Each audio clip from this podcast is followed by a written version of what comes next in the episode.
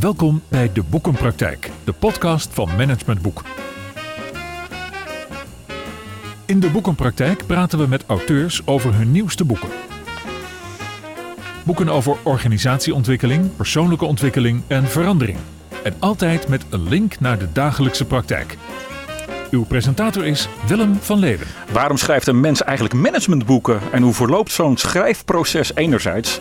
En tegen welke mogelijke dilemma's loop je als auteur aan anderzijds? In deze aflevering van de Boekenpraktijk gunnen we onszelf, na het gesprek met Andor de Rooij van een aantal afleveringen geleden, opnieuw een kijkje in de keuken van het schrijven van een managementboek. Hoe werkt dat precies? Wat komt daar allemaal bij kijken?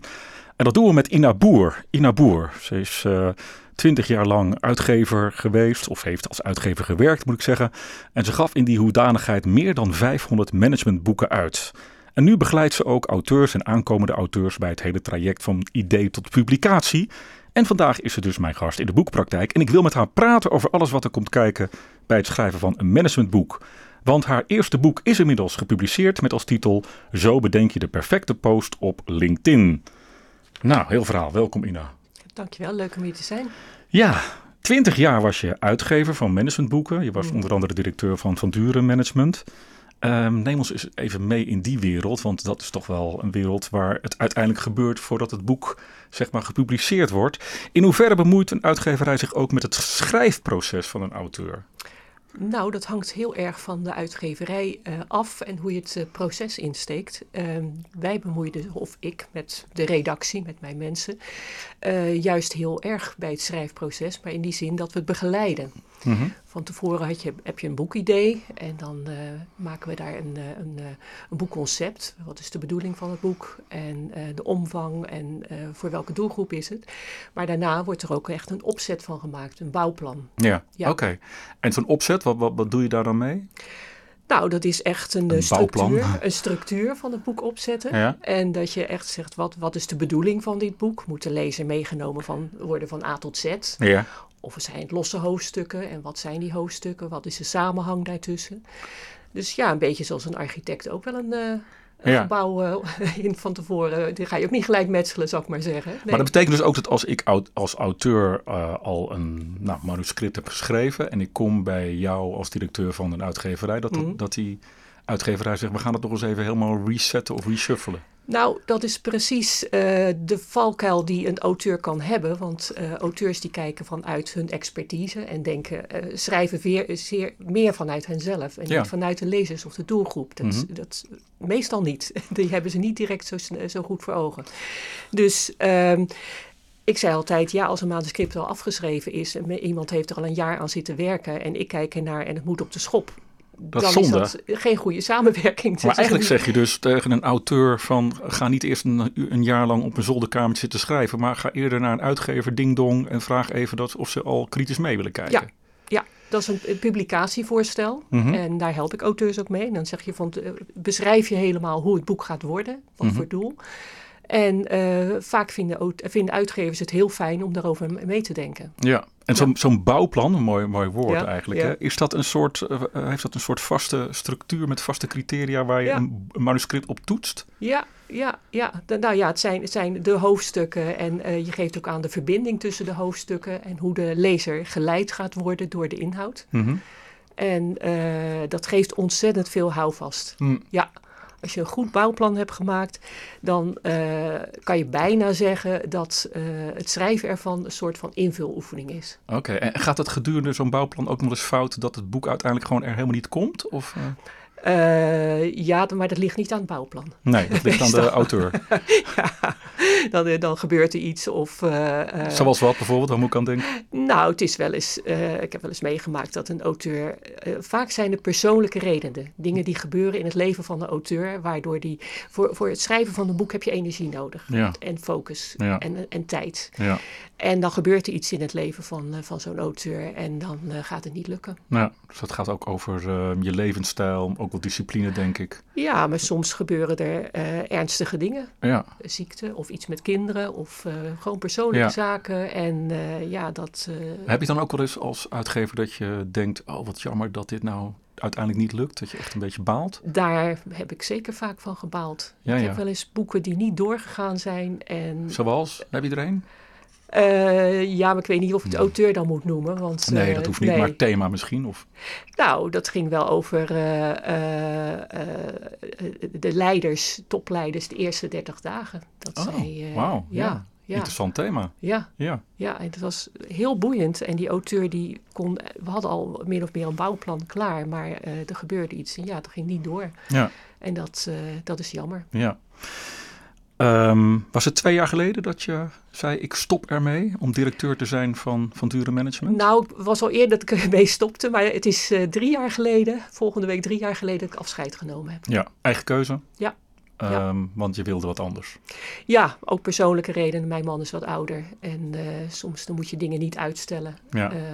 Eh, dan tegen de tijd dat ik officieel met pensioen kon, zou hij al tegen de 80 zijn. Dat, eh, Oh ja. ja. Hey, en nog even naar die, daar ben ik nog even nieuwsgierig naar. Is zo'n directeur van zo'n uitgeverij, Mm. dat is natuurlijk toch wel een behoorlijke machtspositie, toch? Die bepaalt uiteindelijk wel wat er in de boekschappen komt van de Bruna's en de Acos of niet. Is dat, kun je dat zo zeggen? Of, eh, ja, nou ja, managementboeken komen niet zo vaak bij Bruna's en Aco's, Nee. die, dat niet.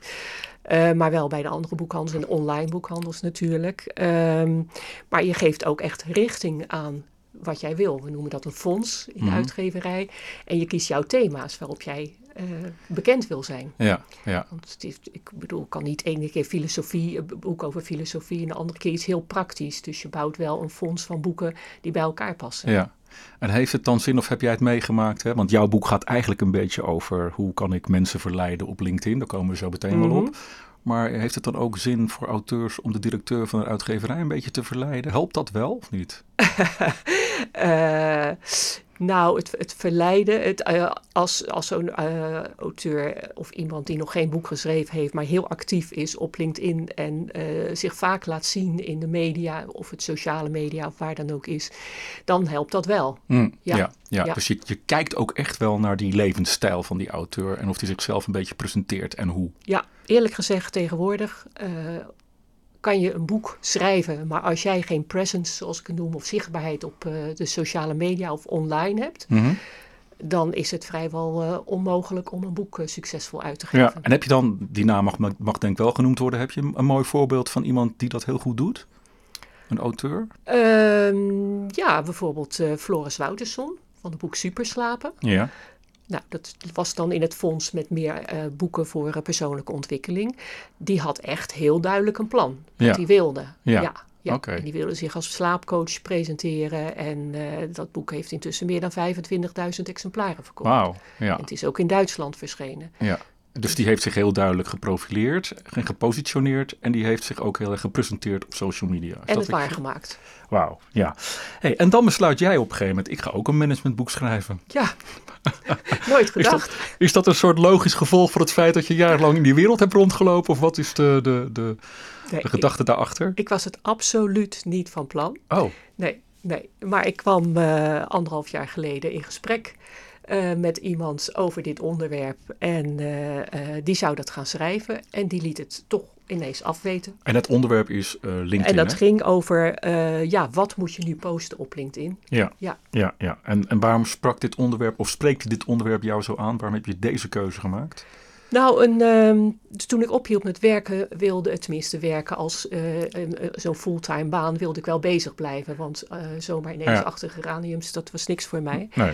En ehm, ik eh, viel mij altijd op dat er auteurs waren eh, die zich niet presenteerden op LinkedIn. Dat ik dacht, je hebt je boek geschreven en waarom zeg je niet tegen je vaste connecties, mijn boek is er. Dat is toch Ja. wel het minste wat je kan doen. En toen heb ik bedacht dat ik auteurs daarop ging coachen. Is dat niet overigens iets wat onderdeel van het bouwplan is? Dat je ook gewoon eh, tegen auteurs zegt op het moment dat het bouwplan klaar of zo is van Ja. nou, nu Ja. moet je je wel presenteren op LinkedIn? Dat, nou, niet, niet, niet zozeer in de bouwplan, maar je kunt natuurlijk marketingafspraken maken.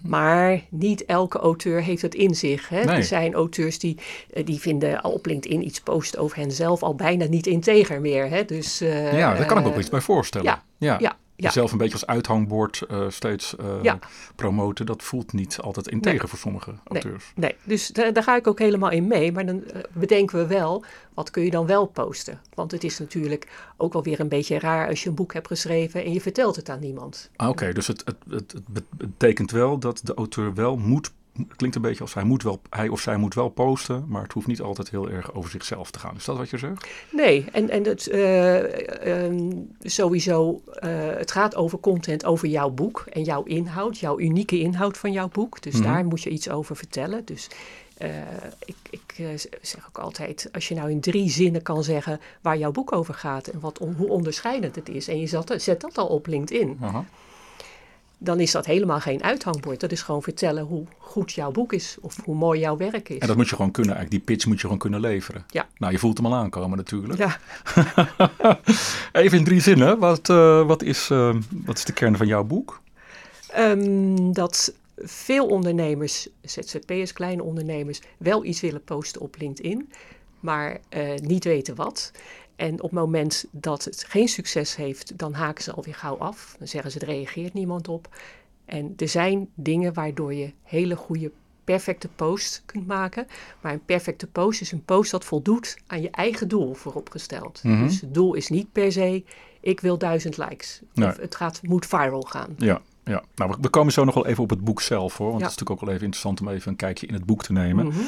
Maar nog even daarvoor, want nu noem jij jezelf LinkedIn en marketing coach. Ja. Uh, wat doe je dan precies? Ja, nou, wat ik niet doe, uh, dat ik uh, trainer ben op het gebied van uh, hoe vul je je profiel, wat voor tekst je moet daarin komen. En ik kijk bij auteurs altijd mee hè, of daar wel de goede trefwoorden in staan. En alle knoppen van LinkedIn. Er zijn honderd nieuwe features uitgerold afgelopen jaar. Ik denk dat ik er tien weet, mm -hmm. maar een LinkedIn trainer kent ze alle honderd. Ja. Ja. ja, maar mijn expertise ligt op het bedenken van content. Ja. Wat is nu leuke content om te delen met mensen? Oké, okay. ja, ja, daar komen we zo nog even op terug, want we gaan echt zo ook even naar de inhoud van het boek. Um, wat maakt dat je een keuze toch maakt voor LinkedIn? Want ik, ik zat even te googlen en er zijn best veel boeken al geschreven over LinkedIn. En nu zeg je, mijn boek gaat specifiek over content op LinkedIn. Is dat er dan nog niet of zo? Of nee. voegt het dan nog toe? Nee, dat, dat is er dus niet. Hmm. Al die boeken die gaan dus over de, de knoppen van LinkedIn oh, en ja. uh, niet over de content. Of als ze het maar raar worden. eigenlijk, hè? Ja. ja. Dus daar begint het toch mee dat je, dat je nadenkt over hoe profileer ik mij op LinkedIn? Ja, maar ja, LinkedIn was natuurlijk eerst een uh, cv-platform, uh, zal ik me even grof zeggen. En heel hmm. veel mensen denken dat nog steeds. Hè? Mensen in loondienst zien vooral iets om een cv op te plaatsen. Ja.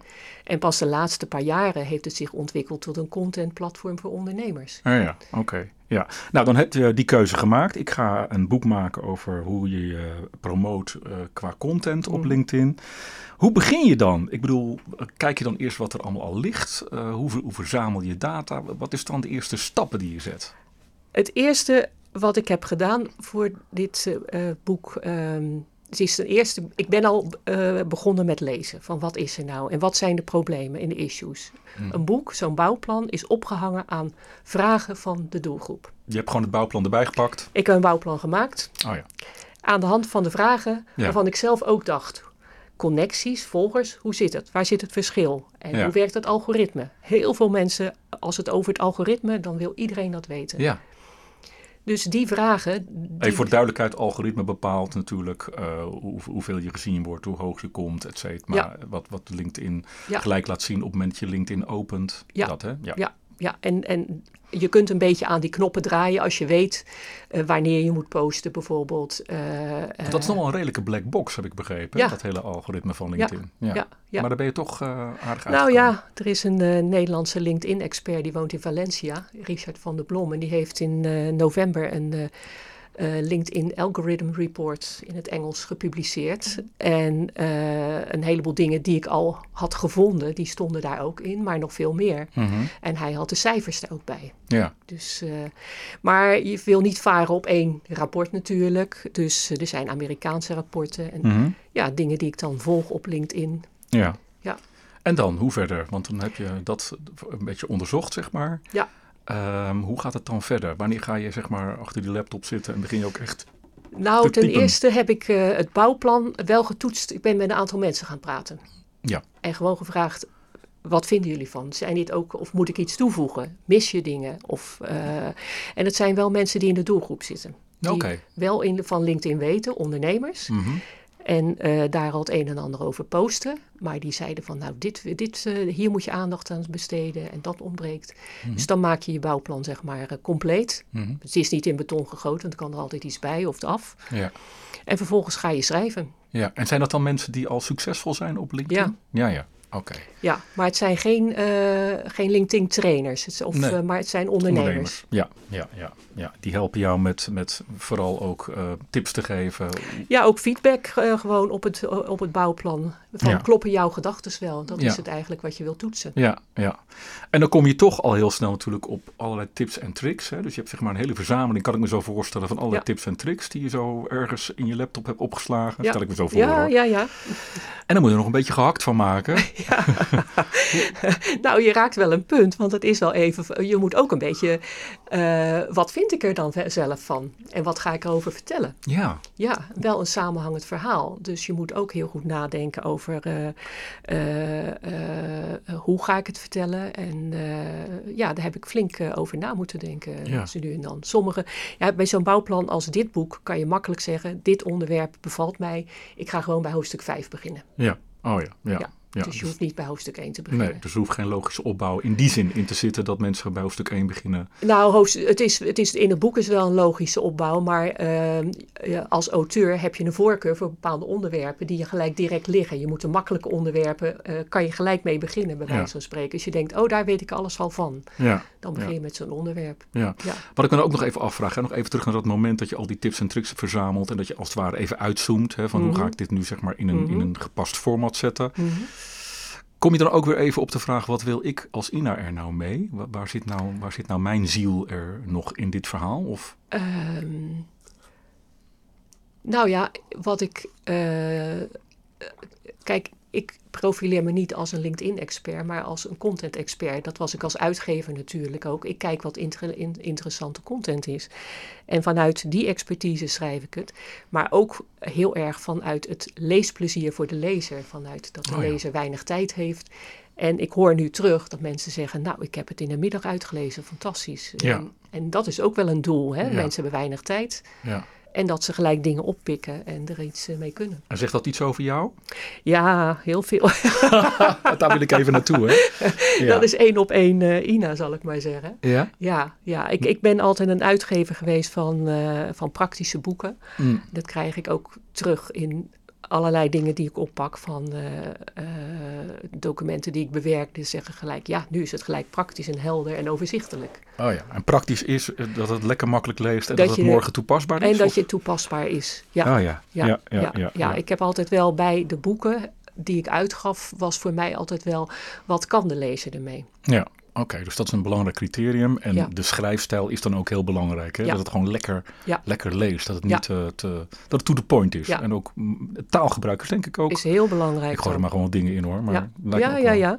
Ja, nou ja, dus, er staan in het boek ook een heel hoofdstuk over bloggen. En dan de zin, uh, zinslengte en uh, dat je to the point, hè, dat je je verhaal direct duidelijk moet maken. Omdat mensen anders veel te snel afgeleid zijn. Ja. Als je dan uh, zeg maar ook al die informatie hebt, hè, dus je, je hebt als het ware een beetje de content te pakken, mm komt er dan ook nog zoiets als de kunst van het weglaten? Of wordt er dan ook nog gestreept? Of, of? Je kan um, uh, schrijven, dat schrijfproces en uh, echte schrijvers die, die, die mensen begeleiden tot in detail, zeg maar. Redacteuren, die weten het ook. Sommige mensen die schrijven gewoon een boek en die gaan daarna pas uh, schrappen. En, uh, maar bij mij is het echt wel dat ik een alinea geschreven heb en dan weer even de samenhang. Is het logisch? de verbindingswoorden.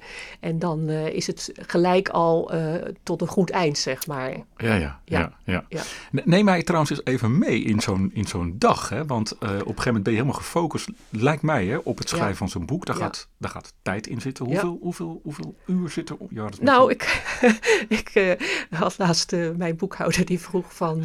ja, als je een boek schrijft, dan kan je, heb je geen tijd om mensen te coachen. Dus dat moeten we wel even kijken hoe we dat boekhoudkundig doen. En toen kwam mhm. ik wel op 650 uur. Nou, Jeetje, ja. En is dat, ja, ik zeg waarom, maar is dat veel of is dat, uh, want jij weet natuurlijk hoe andere auteurs ik, daar. Ja, ja, weet je, ik heb heel veel. Dit is een onderwerp wat aan verandering onderhevig is. Dus Mhm. je moet constant checken: klopt het nog? Ja. Of zijn er andere meningen? Zijn dingen veranderd? En uh, ik heb een, uh, een, een, hoe noem je dat? Een bestendig boek dat er niet direct volgend jaar al verouderd is. Als ik volgend jaar een nieuwe editie uitbreng, hoef ik maar een klein beetje te veranderen. Oh. Maar goed, er zijn ook weer meningen en, en die veranderen. En aangezien het algoritme steeds wordt aangedraaid en hè, kan iets wat Ja. nu succesvol is, volgende week ineens anders werken. ja, dan is eigenlijk in dat opzicht je boek alweer verouderd. Dat is wel, dat is wel jammer dan. Nou, dat heb ik dus proberen te Oh voorkomen. ja. ja. Hoe-? En eh, nou, door, door zodanig te schrijven, kijk op het moment dat het gaat over bloggen en filmen, dan eh, eh, bij filmen ga ik het niet hebben over de, de statieven of de filmcamera's of Nee. wat dan ook Nee. die je kan kopen of de snoertjes. Maar dan wel over bijvoorbeeld de shots die je moet maken, echt zoals filmers denken. Dus, eh, De vaardigheid meer dan de, de, vaardigheden dan de meer. Ja, Ja. dan de techniek. Ja, en, en nou, die 650 uur, ehm, hoe werkt dat? Je staat 's ochtends op, je hebt jezelf gedoucht en je denkt ik ga gelijk fris en fruitig achter de laptop? Of hoe, Ja. hoe ziet zo'n dag eruit? Discipline, discipline. en een doelstelling. Ik had eh, 500 woorden per dag. En eh, ik ben ook eh, tussentijds nog eh, twee weken naar Normandië geweest. En dan ging de laptop mee. En dat Mhm. was een eh, werkplek. Mhm. En eh, s ochtends schrijven en dan 's middags eh, andere dingen doen. Ja.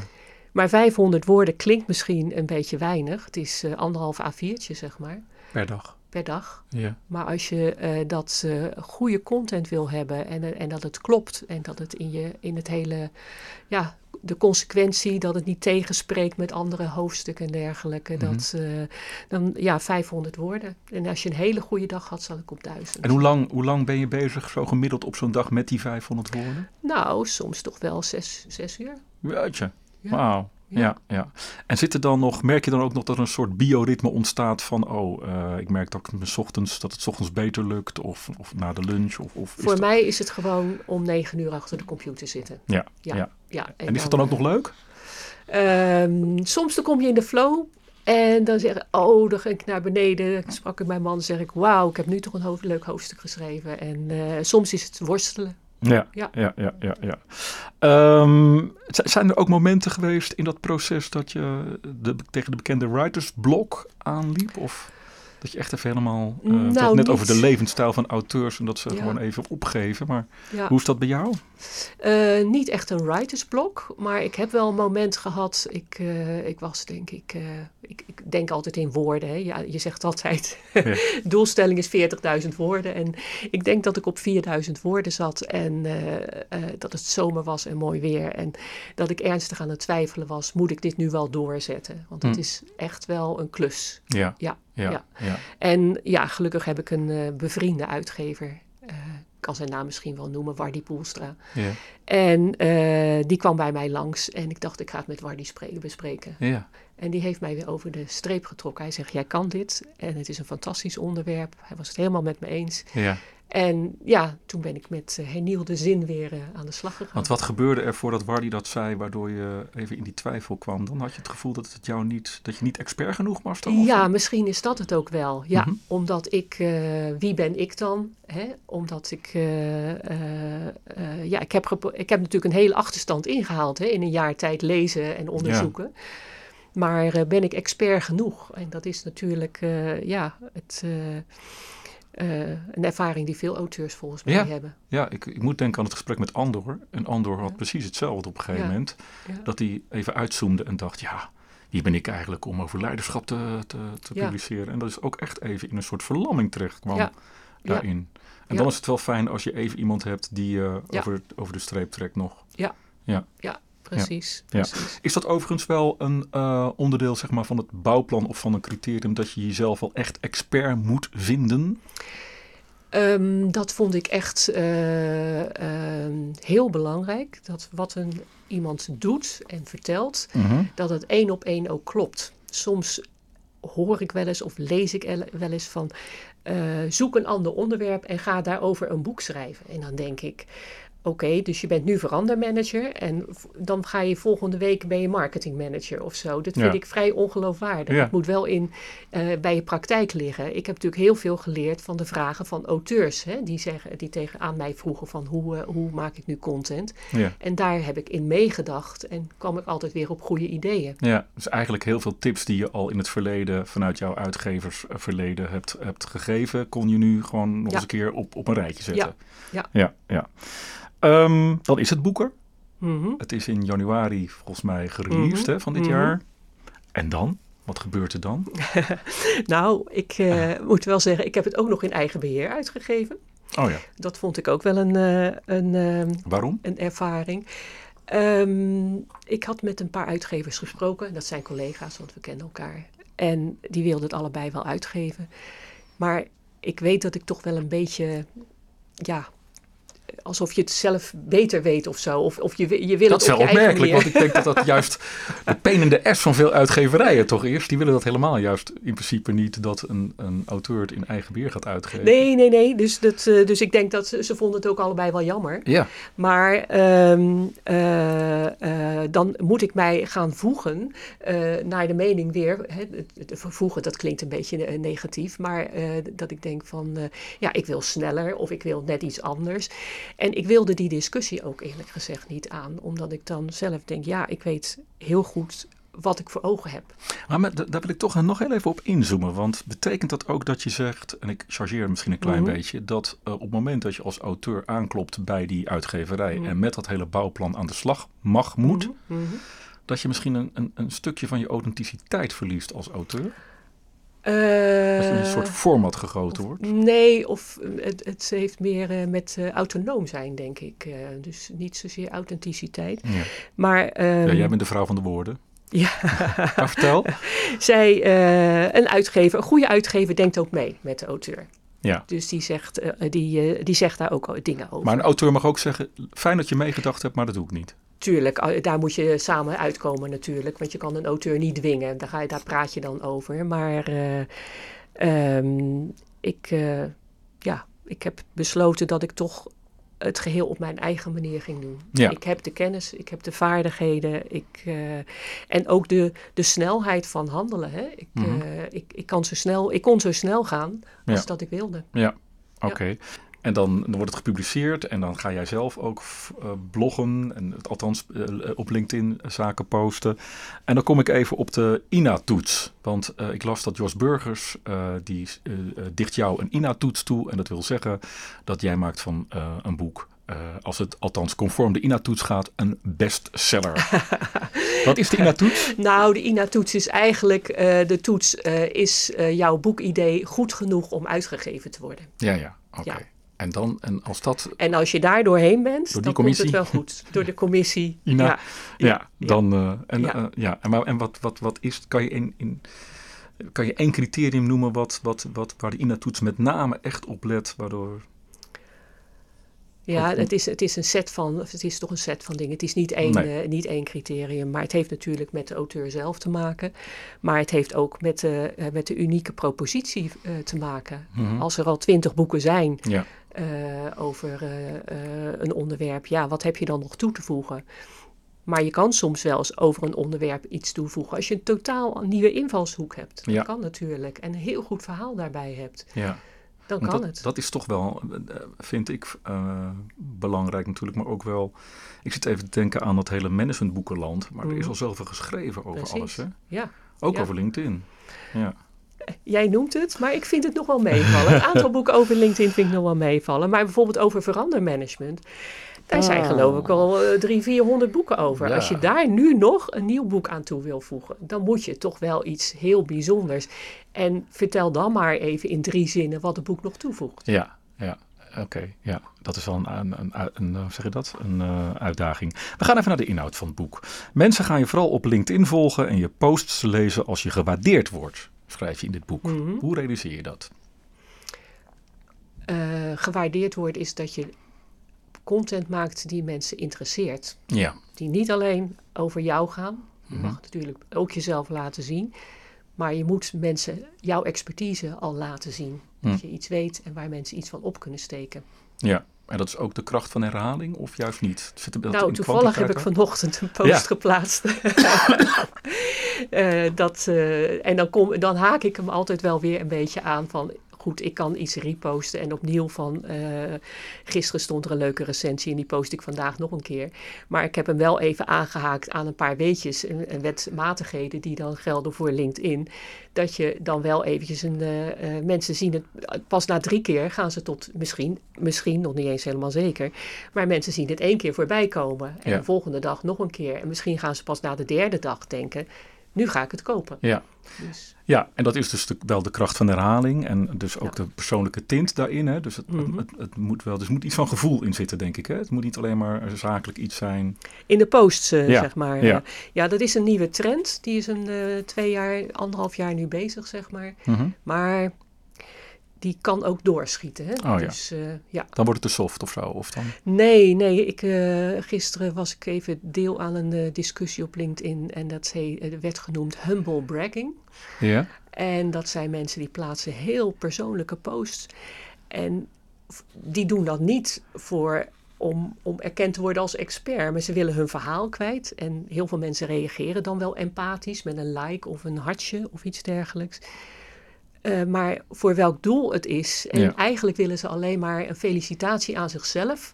Van dat heb je maar overwonnen. Ja. Dat, moeilijke. En ja, ik, ik vind dat, eh, ik zeg echt, het is een business-to-business platform. En eh, Oké, geef dan even een, Ja. kan, je, kan je een paar tips noemen die gewoon belangrijk zijn op dat business-to-business platform LinkedIn, waarvan je zegt, hé, hey, dat zijn een aantal criteria, daar moet je post gewoon aan voldoen. ja, nou, je moet in ieder geval laten zien de mens achter, de, eh, achter de, het bedrijf of de expert die je bent. Als jij alleen maar de expert bent met het keurige pak. Maar jij doet thuis natuurlijk ook dingen. Of je kan best laten zien dat jij eh, ehm, eh, goede dingen doet. Of eh, jouw persoonlijke mening, eh, jouw normen en waarden die je persoonlijk hebt en die tot uitdrukking komen. Dus dat je ook een beetje leeft wat je propageert. Zeg maar. Precies, Ja. ja. Michelle van Tongelo is zo'n straatarts die zich inzet voor, voor eh, daklozen en mensen die gewoon geen zorgverzekering hebben. Ja. En zij eh, maakt persoonlijke verhalen over die personen. Niet altijd persoonlijk hoor, maar zij, daardoor weet zij aandacht te krijgen. Ja. Dat eh, laatst iemand die kon niet naar het oogziekenhuis en die werd ook niet behandeld omdat hij eh, geen, eh, geen zorgverzekering had. Nou, door LinkedIn heeft zij dat gebruikt dat dat wel voor elkaar gekomen Ja. is. Oké, ja. Dus dat is wel heel erg... eh, Ja, en dat is wel heel persoonlijk. Soms, ja, ja. Maar ook haar way of life, zeg Ook maar. haar of missie, zou ik bijna willen zeggen. Ja, ja. ja, Ja. En is er nog een ander criterium behalve die, dat criterium? Nou ja, dat, dat je, eh, wat mensen wel eens vergeten, dat je echt binnen moet komen. Kijk, mensen stoppen met scrollen als ze in de eerste zin of in de kop al direct zien van, hé, hey, dat is leuk. Daar pak Hm. ik even, haak ik op, uit, daar ga ik naar kijken. Want ze moeten even doorklikken. Ja, En eh, ja, dat wordt heel vaak vergeten. die eerste zin. Die eerste zin en de eerste drie woorden van eh, de, de kop en dan de eerste drie woorden van de zin. En als mensen daar niet eh, door getriggerd worden, dan eh, scrollen ze gewoon door en lezen ze je bericht niet. En ik heb altijd geleerd vanuit marketingperspectief, daar moet het, het, het een soort probleemherkenning of een behoefteherkenning in zitten voor de lezer. Ja, ja, ja. Soms kan het een vraag of een prikkelende vraag zijn, waardoor eh, mensen, maar eh, soms kan het ook een zin eh, zijn, dus meer de trend denk ik, waarvan mensen denken, hè, waar gaat dit nou over? Ja, En ze kennen jou dan wel als ze jou volgen, dus ze denken, nou even kijken wat daar, eh, ja, moet natuurlijk wel het verhaal wel, de kop moet het verhaal wel dekken natuurlijk. Hè? ja. Ja, ja. Even naar deze podcast, hè, de boekenpraktijk. Hoe zorgen wij, hoe zorg ik nou met mijn posts op LinkedIn over bijvoorbeeld deze aflevering van de boekenpraktijk dat ik een hele grote schade volgers ga krijgen? Wat adviseer jij mij dan? Of moet ik dat juist niet zelf doen? Eh, nou, dat heet eigenlijk organisch bereik creëren. Dat is door jouw content eh, veel mensen bereiken. En dat is echt wel een hele lange adem. Dus eh, En wat moet is dat organisch bereik? organisch bereik. Dat, nou ja, jij, pla jij plaatst iets wat interessant is. Iemand anders lijkt het. Het komt ook op de tijdlijn van iemand anders. Die gaat het daardoor ook zien. Die gaat jou daardoor volgen. Oh ja. Het is een beetje wat we vroeger mond-op-mond eh, noemden. Ja, ja, ja, ja. ja. Het Dus, delen, het eh, volgen. En, Ja, ja, maar je moet ook eh, zelf veel proactiever zijn door ook andere mensen te gaan, te gaan volgen, je in discussies te mengen. Nou, Ja. over dat humble bragging, waar ik het net over vertelde, dat is heel interessant, want dat is gerelateerd aan het onderwerp van mijn boek. ja. Ja. Ja, mooi. We zijn een beetje aan het eind gekomen. Ina. Ja.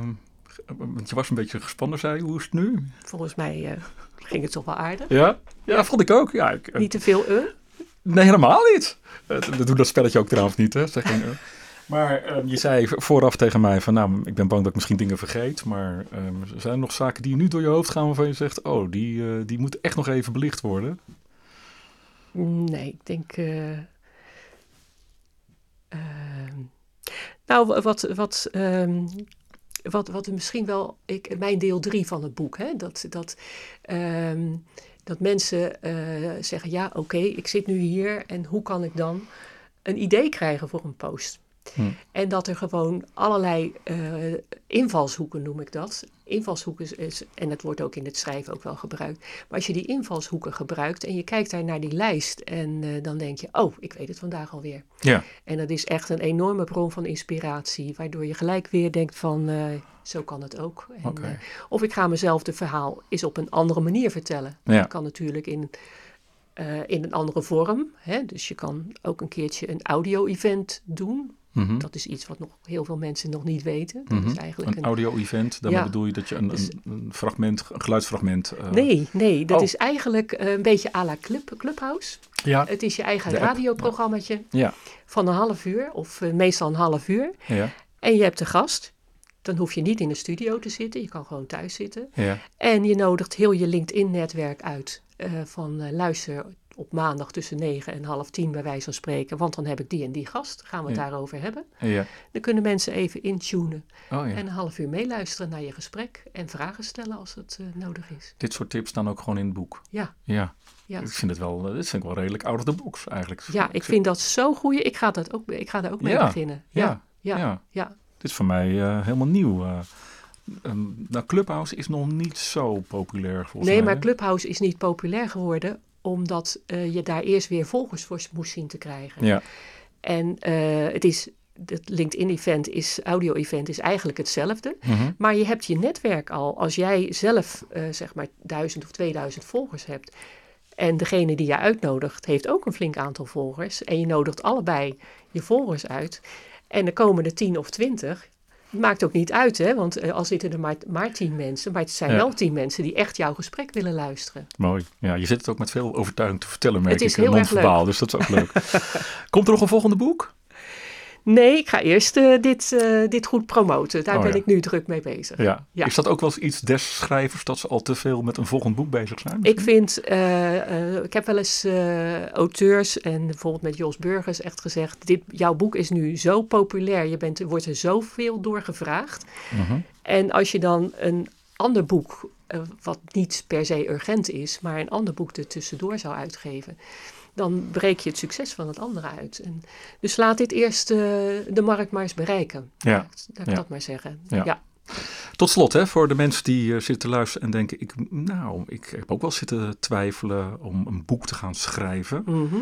Dus dat gaat nog even los van LinkedIn. Um, heb je één tip waar je zegt van nou, uh, als, je, als je daarover nadenkt, begin vooral daarmee of doe vooral dit? Uh, ja, je boekidee gewoon op een A4 uitschrijven. Flaptekst Mhm. en een pitch. En uh, een flaptekst van uh, pakweg uh, 200, 250 woorden, waar je je precies vertelt wat het boek betekent voor de lezer. Ja, Wat voor, welk probleem het oplost ja. en waarom het uniek is. Mhm. Die, die vragen, zeg maar. Ja.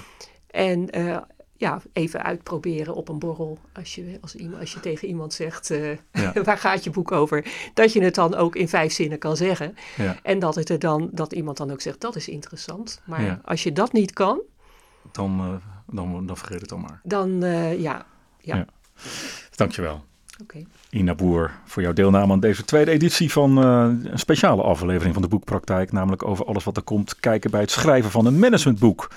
We hebben dankzij jou weer een, een kijkje in die keuken gekregen. Niet alleen eigenlijk als het gaat om het schrijven van een managementboek, maar natuurlijk ook vanwege jouw verleden, roemrijke verleden in de uitgeverswereld ook. Hebben we een kijkje in de keuken van de uitgeverswereld gekregen. Ik verwijs jou als luisteraar van deze podcast natuurlijk graag weer naar de volgende aflevering van de Boekenpraktijk. Daarin spreek ik met een auteur weer over zijn of haar opmerkelijk recent verschenen managementboek. Ik hoop dat inderdaad dat hij dat dan eerst even uh, gepitcht heeft voor zichzelf en even op een borrel getoetst heeft. Dan plotten we ook de strekking van dat boek weer op een actuele casus uit de praktijk. Best mij je hartelijk te danken voor het beluisteren van deze podcast van de Boekenpraktijk. Heb je vragen, heb je opmerkingen of suggesties? Graag hè. Je kunt ons altijd bereiken via het uh, e-mailadres info.managementboek.nl Tot zover de praktijk van boeken. Kijk voor meer afleveringen of een abonnement op de Boekenpraktijk op managementboek.nl/slash podcast. Je vindt ons ook op Spotify, Apple Podcast, Google Podcast en Soundcloud. Hartelijk dank voor het luisteren en graag tot de volgende podcast.